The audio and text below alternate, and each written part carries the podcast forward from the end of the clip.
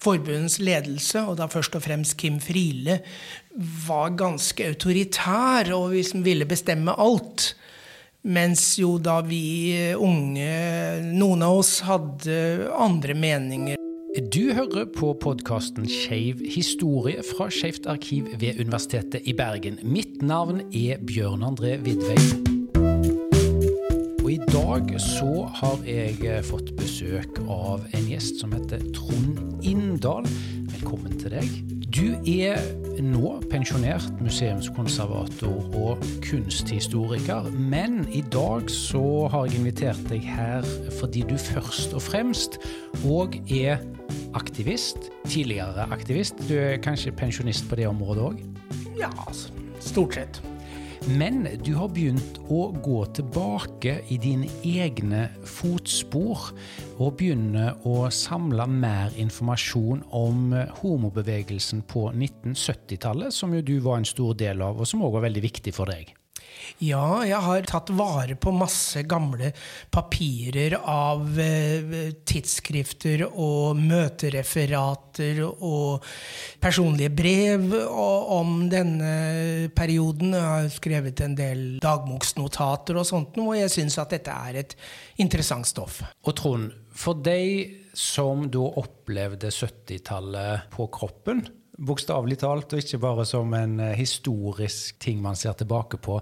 Kan du kort oppsummere hva handla det om da, når det gjaldt homobevegelsen? Det som jeg først og fremst tenker tilbake på, var jo at det var en tid med en sterk økning i, i medlemstall og aktivitet i homobevegelsen. Jeg var jo da i, i Oslo. Jeg eh, flytta til Oslo eh, og ble student i 1973 og oppsøkte etter hvert homomiljøet. Og det var jo en tid med en, en, kraftig økning i aktivitet, kraftig økning i medlemskap og eh, en helt annen holdning til det å være homofil, tror jeg, enn det hadde vært i, i tiårene tidligere.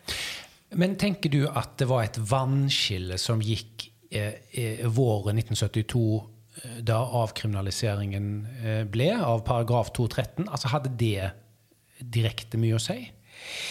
Ja, jeg vil jo tro det, i hvert fall rent symbolsk for mange, at denne straffeparagrafen hadde skremt mange bort og vært en viktig faktor for at folk holdt seg skjulte. Og det som jo karakteriserte da perioden utover på 70-tallet, ble at det ble en veldig mange flere åpne homofile. Mm. Og det er klart det betydde veldig mye for, for for aktiviteten. Mm. Du nevnte det at det var veldig mange unge som, som, ble engasjert. Og en annen ting som var litt typisk, og som du hadde erfaring med, at mange hadde tilknytning til venstresiden i politikken. Hvorfor var det sånn, tror du? Jeg vet ikke, men det var vel slik at eh, homobevegelsen på denne tiden tok en politisk retning med eh, politiske rettigheter på enda sterkere grad enn det hadde vært før. Og på denne tiden så vokste jo det politiske engasjementet hos mange, og særlig unge, på venstresiden innenfor mange områder av samfunnslivet. Kvinnebevegelsen vokste jo også kraftig på den, den tiden, så ja. Mm. Eh, og denne her nye åpenheten, eh, hvordan viste den seg i praksis? Den viste seg vel var at vi vi som da etter hvert ble aktive, og jeg ble jo det på et ganske tidlig tidspunkt, jeg var vel sånn rundt 20, vel 20. Vi ønsket å være synlige, og vi ønsket å informere utover i samfunnet om homofili. Så, så jeg er jo ganske sikre på at som tema ble homofili mye tydeligere på denne tida. Eh, du var jo da òg medlem i DNF 48, som hadde eksistert siden 1950 i Norge. Og den hadde jo da, i årene forut for, for denne perioden vi snakker om, vært mer prega av en type hemmelighold, diskresjon osv. Hvordan opplevde du at dere ble møtt av de kanskje litt eldre kreftene i bevegelsen når dere kommer med deres ungdommelige pågangsmot og frisinn? Ja, jeg tror nok eh, de eldre i forbundet syntes det var veldig flott at det kom masse nye, unge medlemmer. Men samtidig så hadde vel kanskje en del av oss noen andre tanker eh, om eh, samfunnet enn de eldre hadde. Og også var vi jo veldig opptatt av at alle skulle med. Altså, vi ville at, at uh, homofile skulle være i aktivitet. Og, og, gi informasjon og snakke om dette osv. Ikke bare overlate det til eh, de ansatte i, i DNF 48, mm. som jo slik det hadde vært i, i, veldig stor grad tidligere. Så det sosiale miljøet ble òg da veldig viktig? Ja, det ble det jo. Og da jeg begynte å oppsøke forbundet, var, jo i, var det Venstres hus som var stedet. Og jeg kan så godt huske første gang jeg var der, oktober 1973, hvor jeg var 20 år. Og eh, jeg ble spurt ved inngangen, det satt to damer der, og jeg ble spurt eh, er du medlem. Og jeg sa nei, jeg var ikke det. Og så jo, du må være medlem, eller være invitert av et medlem. Ah, ja, sa jeg. Også, men så ble hun øyeblikkelig korrigert av den andre damen som satt der, om at ja, nei, det der er, det er opphevet, den regelen nå. Så du kan bare komme inn. Kan du, kan du huske... det, det var helt nytt, altså. Ja. Men kan du huske eh, da hva du opplevde når du kom inn der aller første gang? Ja, altså jeg opplevde jo eh, dans og musikk og gutter som danset sammen, og jenter som danset sammen. Og det hadde jeg jo ikke sett sånn før. Mm. Eh, vi har òg eh, litt tidligere her på Skeivt arkiv eh, snakket med ei som heter Sylvi Sæter. Og hun har òg en liten morsom historie om da hun tok med sin mor på nettopp Venstres hus. La oss høre litt på det. Men jeg husker da jeg, vi begynte å gå på Venstres hus på 70-tallet, tidlig 70-tall, 1970 var det vel, så, så, hadde jeg jo også fortalt moren min at jeg hadde en jentekjæreste. Og hun skulle komme på besøk. Og jeg hadde tenkt at hun kunne bli med på Venstres hus og se, og det ville hun. Og dette hadde jeg antagelig fortalt om på forhånd rundt et bord på Venstres hus. For i hvert fall så var det sånn at den dagen da jeg og kjæresten min og min mor kom, så hadde de forberedt at det kom en mor. Og det var Jeg tror Jeg hadde aldri hørt om noen andre foreldre som hadde vært med. Jeg tror kanskje hun var den første moren som, som var med. I hvert fall så var det sånn at Da hun kom, så fikk hun et glass martini av en av gutta. Og, og hun ble jo veldig overraska og tok imot og takka. Og etter hvert så begynte gutta å, å, engasjere henne til dans i tur og orden. Og det likte hun veldig godt. for det var stor stas, altså. Hun syntes det var eh, helt glimrende å være der. Men så gikk det jo ikke så veldig lang tid, fordi eh, i 1974 så fikk jo da DN48 sitt helt eget sted da de kjøpte Metropol i Akersgaten. Og det ble et veldig viktig sted. Ja, og det var jo noe som forbundet var veldig ivrig på å få til, fordi da kunne en jo drive et sted sånn helt uh, på egne premisser, og at det, ble, at det var et helt trygt treffsted, har jeg sett det er blitt omtalt i, i mange anledninger. Så forbundet uh, mente det var en stor seier da man klarte å få til å, kjøpe Metropol og åpne det som et, et treffsted for homofile. Og det var jo også en seier at man fikk til kommunal garanti for det lånet som ble tatt opp for å kjøpe Metropol. Og det var jo en anerkjennelse fra Oslo kommune om at dette var et, et viktig tiltak. Mm. Og plutselig da så hadde man jo et sted som ganske fort ble både kjent og kanskje òg delvis berykta. Mm. Altså, man visste liksom hvor Metropol lå, enten man skulle inn der eller bare gikk forbi. Eh, hvordan opplevde du det? Altså var det, det å åpenlyst gå inn på Metropol? Altså, hvordan var det? Jo, altså på, akkurat på det tidspunkt, litt ut i 1974, så var jeg vel begynt å bli mer åpen øh, overfor øh, studiekamerater og sånt, så jeg tror ikke at det var et sånn voldsomt steg for meg akkurat da å gå inn gjennom døra i Akersgata inn på Metropol. Men jeg har jo hørt om mange som fortalte om at de vandret rundt, rundt og rundt i strøket en god stund, mm. kanskje mange ganger, før de våget seg, seg inn der. Mm. Så må vi legge til òg at uh, nettopp denne adressen i Akersgaten har jo fått nå en uh, heder eh, som ble satt opp i fjor, med en sånn blå plakett som et historisk viktig sted i Oslo. Eh, hvor det står en liten kort tekst om hva som fantes i, i det bygget på 70-tallet. Men eh, det var jo mye aktivitet som ble lagt til nettopp Metropol da, fra forbund og sånne ting. Eh, hva skjedde der? Ja, der var det jo også diskotek, og det var, var viktig. Og så var det jo eh, møter og det jeg husker, er jo at jeg ble etter hvert ble kjent med en del folk, og vi begynte liksom å diskutere og snakke sammen om, eh, om eh, homofili og hva vi ønsket å kjempe for og sånn. Så, så, Metropol ble jo også et viktig treffsted for den skal vi si, frigjøringsbevegelsen og den, den politiske virksomheten. Mm. Men var det et stridstema om driftsformen, om det bare skulle være diskotek eller om det skulle være noe annet? eller Hvordan foregikk det? Det var jo det, fordi altså forbundet hadde tatt opp et stort lån for å kjøpe dette stedet. Og eh, forbundets ledelse var jo opptatt av at dette skulle svare seg. Man måtte ha en viss inntekt. Det ble jo tidlig et stridsspørsmål om man skulle arrangere egne kvinnekvelder.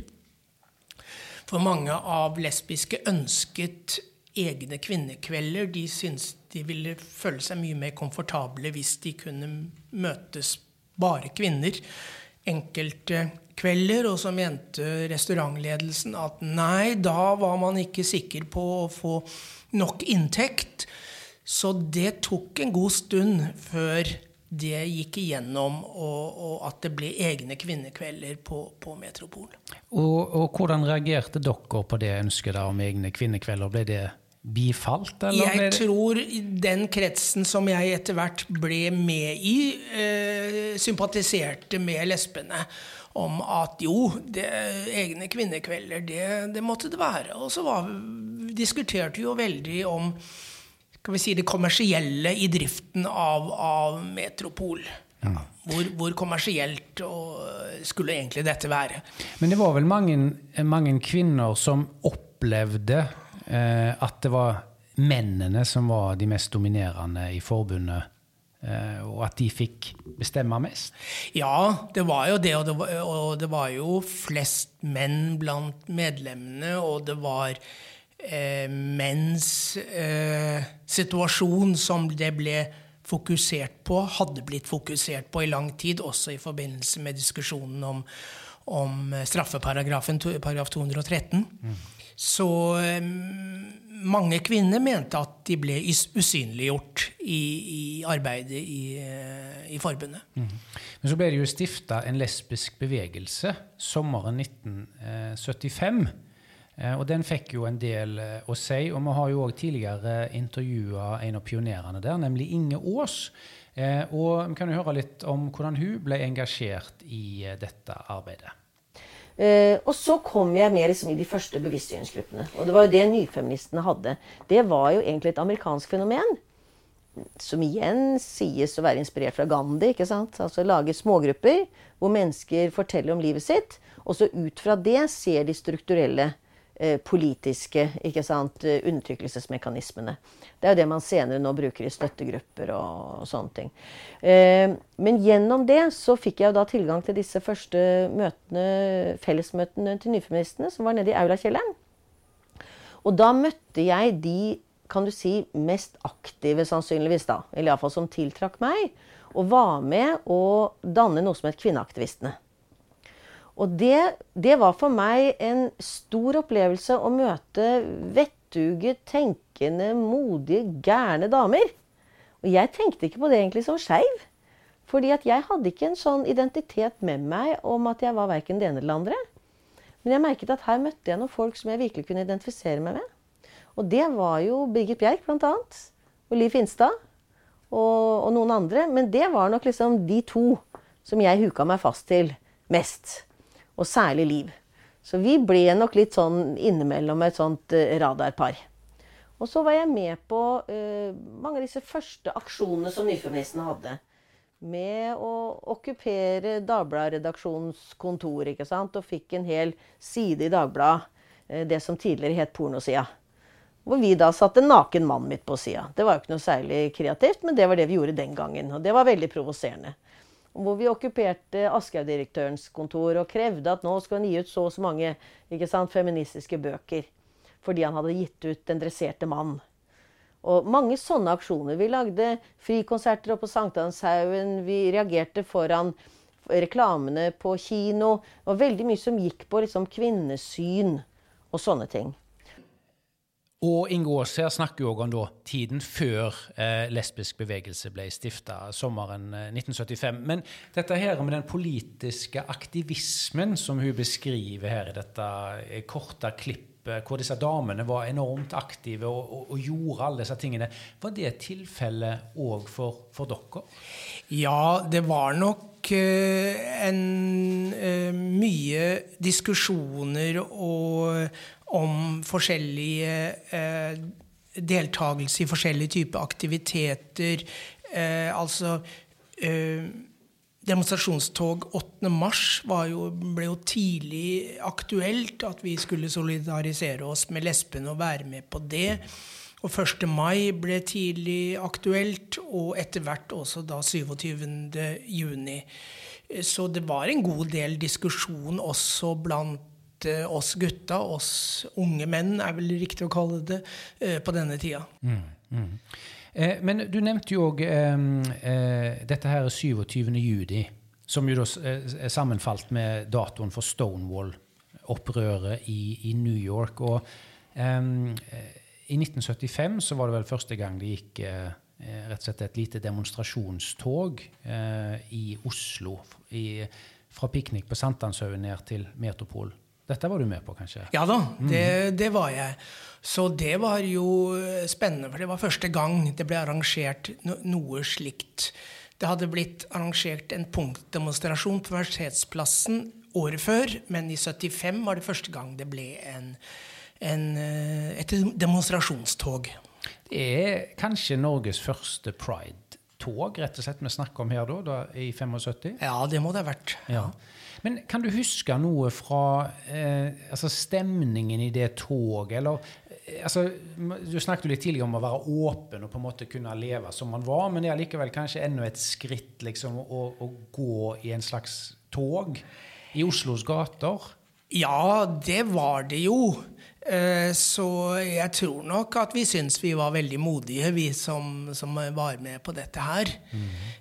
Men det hadde jo allerede vært eh, paroler i 1. mai-tog.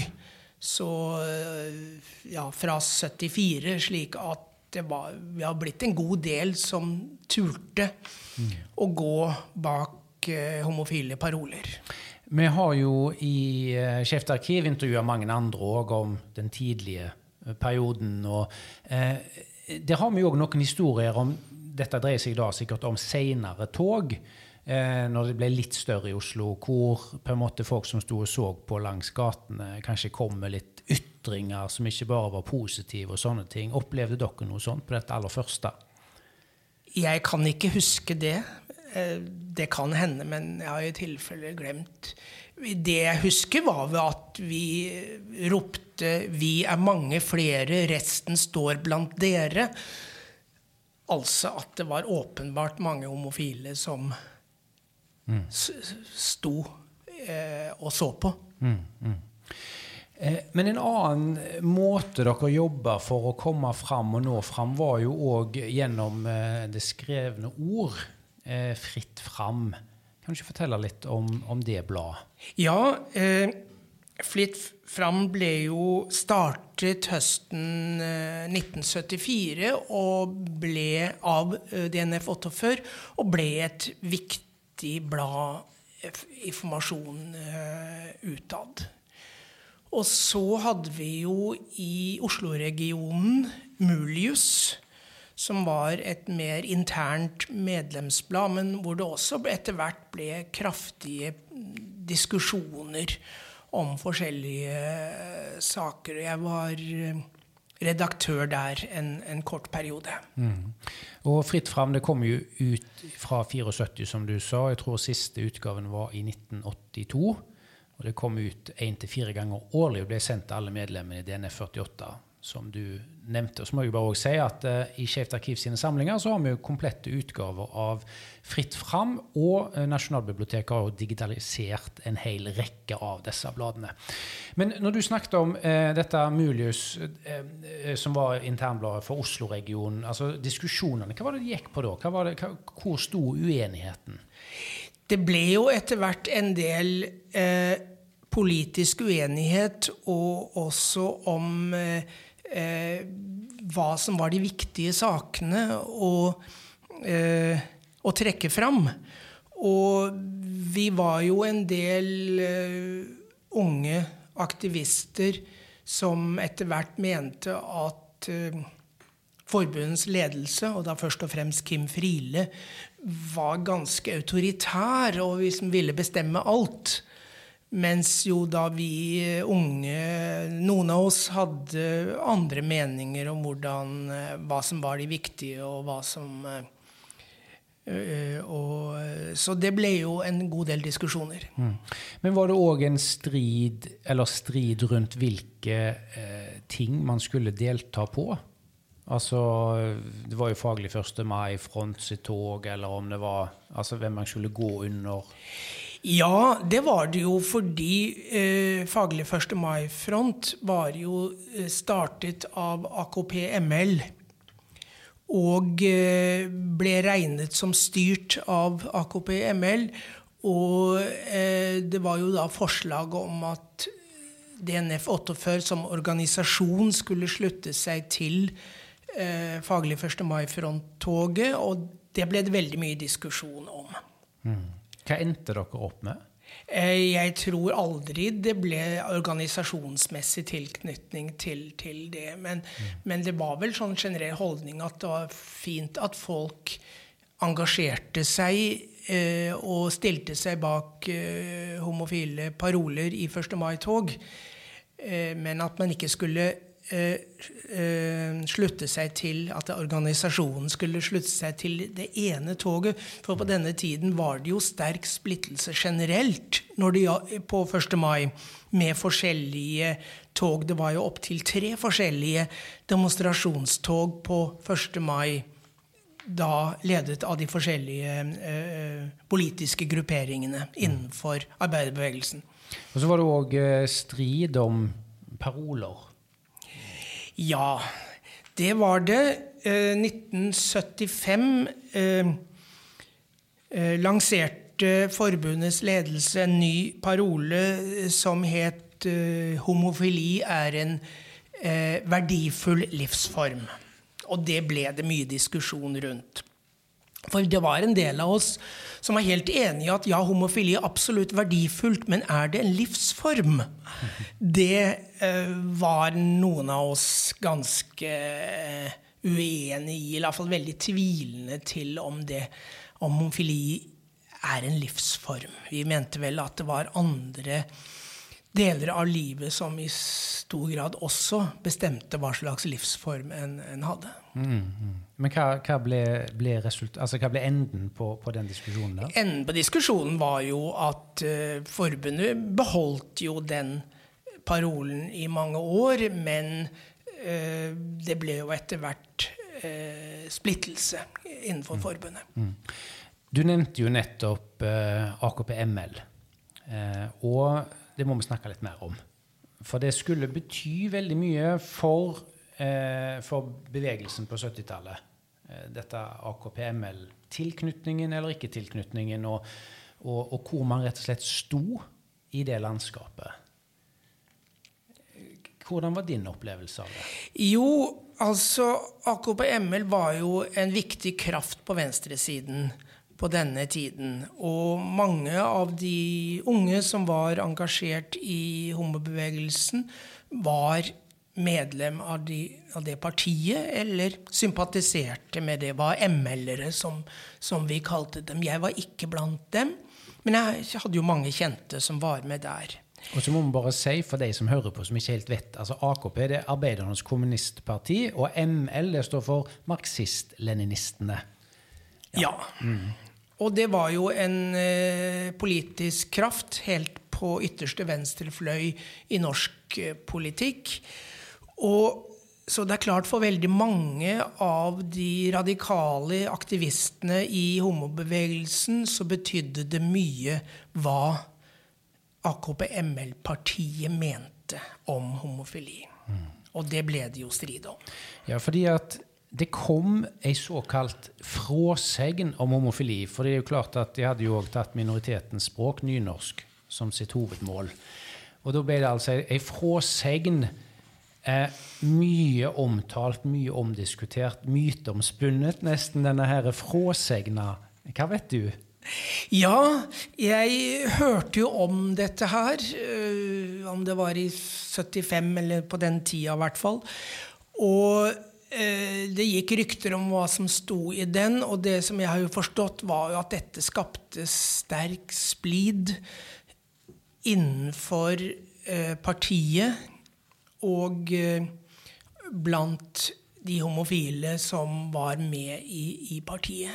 Fordi det sto jo i denne fråsegna, som altså var et politisk notat til diskusjon, et internt notat til diskusjon i partiet, så sto det jo annet at AKP-ML mener at homofili i hovedsak er et seksuelt avvik med røtter i samfunnsmessige og sosiale tilhøve.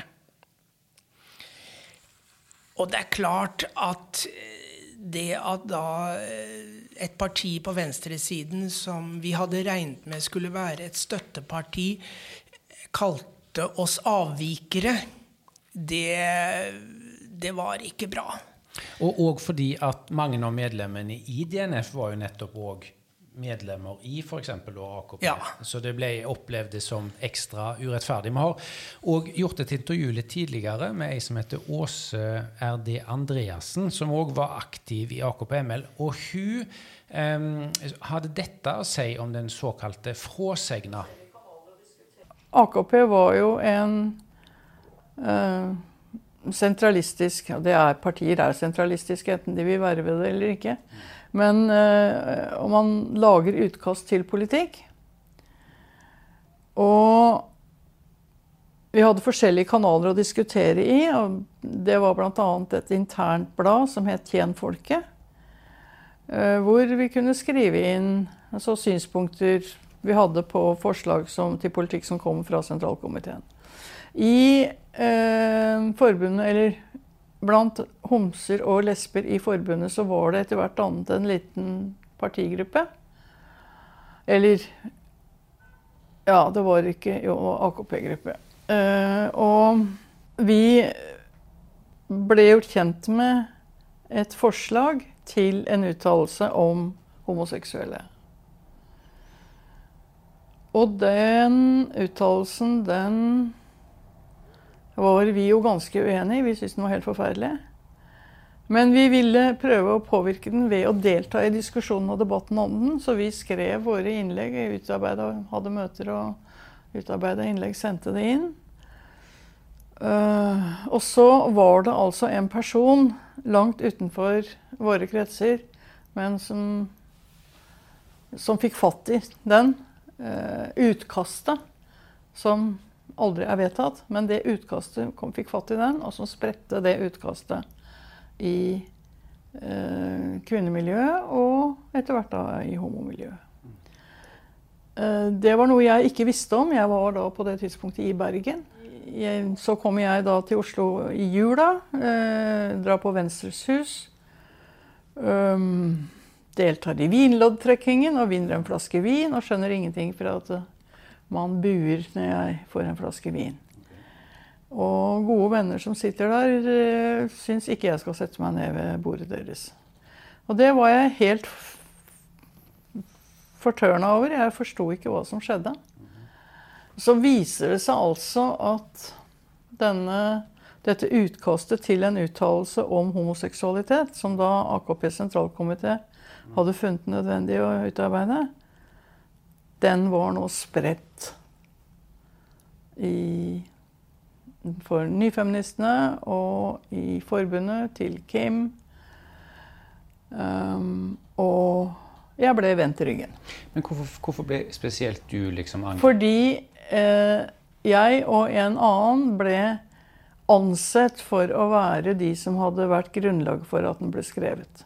Vi ble tillagt at den hadde blitt skrevet, og det var, eh, det var så kontrært som det i det hele tatt går an. Og jeg og en til, vi fikk den reaksjonen. Men var, det var nok meg det gikk mest utover, fordi jeg også var jente, og kvinnemiljøet var rasende. Mm. Hvordan utarta det seg videre da? Uh, det var slik at Da jeg kom tilbake fra Bergen, så ble jeg nektet å betale kontingenten min I DNF, i, DNF, i Oslo. Jeg hadde jo selvfølgelig betalt mens jeg var i Bergen, men jeg, sånn, sånn, så kom jeg hjem, skulle flytte, betale der. Og da ble jeg møtt av en litt Hun likte nok, slik jeg tolket det, ikke situasjonen. Hun som var sekretær for forbundet. Altså ikke generalsekretæren, for det var jo Kim Friele. Eh, men hun eh, Jeg sa 'hvorfor kan ikke jeg få betale deg for det?' Nei, jeg har fått beskjed. Du får ikke bli medlem. Ja, Som vi hørte her fra dette lille klippet òg, så skjønner vi jo at det var et eh, rett og slett helsikens bråk rundt denne fråsegna. Hva ble enden på visa? Enden på visen ble jo at det ble en, en, splittelse i forbundet. Og det var ikke bare dette eh, denne fråsegna som var årsak til det. Det var veldig mange som mente at eh, aktive medlemmer ble passifisert og fikk ikke komme fram med sine ting eh, i forbundet. Og slik at vi da var en god del medlemmer som eh, meldte oss ut våren eh, 1976, var det. Mm. Og etter hvert så ble jo òg eh, de som enten var beviselig AKP-ML-medlemmer eller mistenkt å være det, ble jo òg ekskludert fra denne 48. Ja da, det skjedde to år senere, hvor, hvor forbundets ledelse tok et oppgjør med, med og realiteten eh, sprengte forbundet. I, det var vel skjedde senhøstes 78, tror jeg. Men denne eh, splittelsen som oppsto, eh, og du aktivt meldte deg ut av forbundet ganske raskt så oppsto det en ny organisasjon?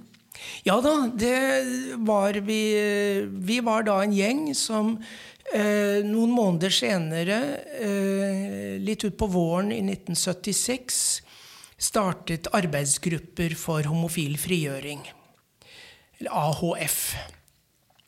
Og da var vi veldig opptatt av at alle skulle være aktive. altså Vi kalte oss arbeidsgrupper fordi vi ønsket at eh, medlemmene ikke bare skulle være passive og delta på, på, diskotek, men skulle delta aktivt i frigjøringsarbeidet i forskjellige typer arbeidsgrupper. Mm. Og hva type arbeidsgrupper var det som ble organisert? Det var masse forskjellig. Vi Eh, hadde en intern avis som het Home Intern, og vi syntes jo at det var et veldig morsomt navn. Og eh, vi hadde bevisstgjøringsgrupper, vi hadde foredragsgrupper. Eh, vi Masse forskjellige typer sånn arbeidsgrupper. Som standsgruppe, som hadde ganske hyppige sånn informasjonsstand rundt i Oslo sentrum, og også på Blindern, husker jeg veldig godt, hvor vi satt og, og informerte. Ble dette oppfatta som en eh, konkurrent til DNF 48, eller hvordan ble det tatt imot? Ja, jeg tror nok det. Jeg tror nok at, at forbundets ledelse oppfattet det slik, fordi jo også veldig mange av de aktive eh, i forbundet da gikk over til AHF. Eh, vi har òg gjort et intervju med ei som heter Bente Arnesen. Og hun var aktiv i den såkalte bokgruppen i AHF. Eh, vi skal høre litt eh, om hvordan de jobba. AHF hadde en stor betydning i livet mitt. Var, det var jo møtested i Fredensborgsveien, nede i kjelleren. Men det var et treffsted som var si, Nå vil det kalles et sånn lavterskeltilbud, rett og slett. Og så blei jeg med og var med og starta da ei sånn bokgruppe der. Og den, vi hadde den første annonsen inne i Løvtann. For Løvtann hadde jo tilknytning til AF. Eh, vi hadde den første annonsen inne i nummer 4 1982. Og da, eh, dette fortalte jeg til en kollega, og det hørtes ut som det var forrige årtusen. Mm. Men det var, da omtalte vi litt bøker. Og så kunne du bestille bøker, og så sendte du den i posten da, til AHF. Og så gikk vi og henta posten, og så gikk vi i bokskåpet vårt, for vi hadde et eget bokskåp, så vi hadde boksalg derav. da. Og så sjekk, Hvis vi hadde bøkene, så, så, eller så gikk vi på Tronsmo, som vi samarbeider med, altså Tronsmo bokhandel. Uh, og så fikk vi bøkene der, og så send, pakka vi dem inn, gikk på postkontoret, sendte dem. Sånn holdt vi på. Mange år. Og folk betalte. Vi, jeg tror vi prøvde å sende litt i postoppkrav, men det blei så dyrt. Det ble mye dyrere. Og de fleste betalte. Men så vi la ved en postgiro. Folk betalte. Så det var fint. Jeg, jeg, tror jeg har jeg tror jeg har et par sånne rørende takkebrev fra noen damer rundt omkring i landet. Ja, For det å få tak i litteratur. Som vi skjønner, så var jo dette eh, tiden før VIPS, så, men Postgiro viste seg å fungere. Ærlig gjeng, det var fint. Men så var det jo annet lesestoff som òg kom fra eh, AHF. Det var nemlig Løvetann. Det må du fortelle om.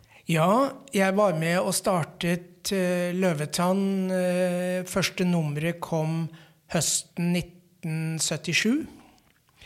Og det ble jo et viktig tidsskrift i uh, homofilibevegelsen. Og navnet ble tatt etter Wergelands ord 'Den urt der gror, om enn den tredes. Så eh, Løvetann eksisterte jo ganske mange år og, og ble, ble, veldig viktig. Altså Var det da en arena for å på en måte presentere og diskutere aktuelle kampsaker? Eh, som, og, og, og, hvilke var det da dere fremma gjennom Løvetann og diskuterte? Ja, det var mye forskjellige saker. Det, men altså en, en, hovedsak som ble diskutert på denne tiden, det var jo diskrimineringsparagrafene. Og at homofi, homofile skulle komme eh, innenfor eh, straffelovens diskrimineringsparagrafer. Eh, og det var en viktig kampsak som vi jobbet mye med, og som jo vi fikk gjennom i 82, tror jeg. Mm -hmm. Ble endelig vedtatt. Eh, og så hadde vi mye internasjonale saker. altså Homokampen på den tiden ble jo ganske internasjonal. Så, så det var også mye stoff om. Og så var det generelt om eh, homomiljøet og politiske saker. og ja. Mm -hmm. Forhold til Kirken? Forhold til Kirken var jo alltid en uh, aktuelt Eh, vi syntes jo at kirken var ganske jævlig. Så eh, kamp mot kirkens fordømmende holdninger var jo uh, uh, viktig. Jeg meldte meg sjøl ut av kirken i ja, årsskiftet 75-76. Og så var det jo òg denne eh, psykiatriens sykeliggjøring. Nå hadde man blitt eh, ikke kriminell lenger i 72 men man var fremdeles mentalt eh, syk, eller i hvert fall en diagnose Ja, og det var jo også en kamp om å få fjernet den, den diagnosen. Og det klarte vi jo å få til relativt raskt. Altså Når jeg sier vi, så var jo absolutt DNF 48 også på, på, på samme linje der. Mm. Men eh, ingenting varer evig, og heller ikke AHF. Der hun på en måte oppsto det litt eh, motstand og uenighet, og til slutt en splittelse der òg. Ja, eh, det som skjedde, var jo at eh, AKP-ML fant ut at AHF skulle en, kunne være en arena for partiets kamp, og fikk mange av ML-erne i homobevegelsen meldte seg etter hvert inn i AHF. Og de dannet noe som het Antifascistisk gruppe. Og ville ha med AHF på masse sånne generelle saker som de jobbet med. Og det var jo slik de jobbet øh, også øh, på den tiden øh, kom inn og dominerte andre politiske bevegelser som eh, Palestina-komiteen og Chile-komiteen og Kvinnefronten. Ikke sant? Altså den, mange av de politiske bevegelsene på denne tiden var jo preget av intern politisk eh, splittelse. Og det virket jo ganske ødeleggende, fordi noen av oss var da imot at vi skulle engasjere oss med alle disse andre sakene. Og brukte masse tid på møter med diskusjon om dette. Og, og etter hvert, i, det var vel i våren 78, så fant en del av oss ut at dette ville vi ikke lenger, og meldte oss ut av, av AHF. Mm. Og hva ble din vei videre etter det? Altså Var du fremdeles engasjert? Ja, jeg var jo det. Og så litt seinere var vi en gjeng som laget noe vi kalte Gruppe Lambda. Som var også en Ja, det var ikke så mye eksternt arbeid, men det var en fin diskusjonsklubb. Og øh, drev også med noe utadrettet. Eh, men så skjedde det at jeg eh, var ferdig med studiene mine våren 1980 og flyttet etter hvert fra Oslo for å få jobb. Så ble Da ble jeg ikke med på det arbeidet i Oslo lenger. Men jeg har jo seinere vært aktiv i HB eh, Trond i Trondheim på 1980-tallet, og homofil bevegelse i Bergen da jeg, etter, da jeg, flyttet dit i 87. Og det har vært, også vært veldig spennende arbeid. Og nå er på en måte da sirkelen slutta. Nå er du tilbake i Oslo som pensjonist og har begynt å liksom grave litt i denne eh, fortiden her igjen. Og hva tenker du du skal gjøre med dette? Det, blir det ei bok, eller blir det foredrag, eller hva blir ja, det? jeg har nå eh, forsøker å få dette publisert på en eller annen måte, og jeg er blitt med i Regnbuetreff for eldre i Oslo. Det er jo ålreit. Og treffer igjen mange av dem jeg eh, kjempet sammen med for, for veldig lang tid siden. Men jeg må jo si at det er veldig interessant hvor, eh, hvordan tidene har endret seg. For altså Oslo på 70-tallet, eh, forholdet til homofile er jo en helt annet nå enn en den gangen. Det, altså Kampen er jo langt på vei vunnet, og det er jo veldig tilfredsstillende. Takk til eh, dagens gjest, Trond Inndal, pensjonert museumskonservator og kunsthistoriker, og nå eh, som ser tilbake på sine tidlige aktivistiske røtter. Du har hørt på podkasten Skeiv historie fra Skeivt arkiv ved Universitetet i Bergen. Mitt navn er Bjørn André Vidvei, og produsent er Jo Gjelle.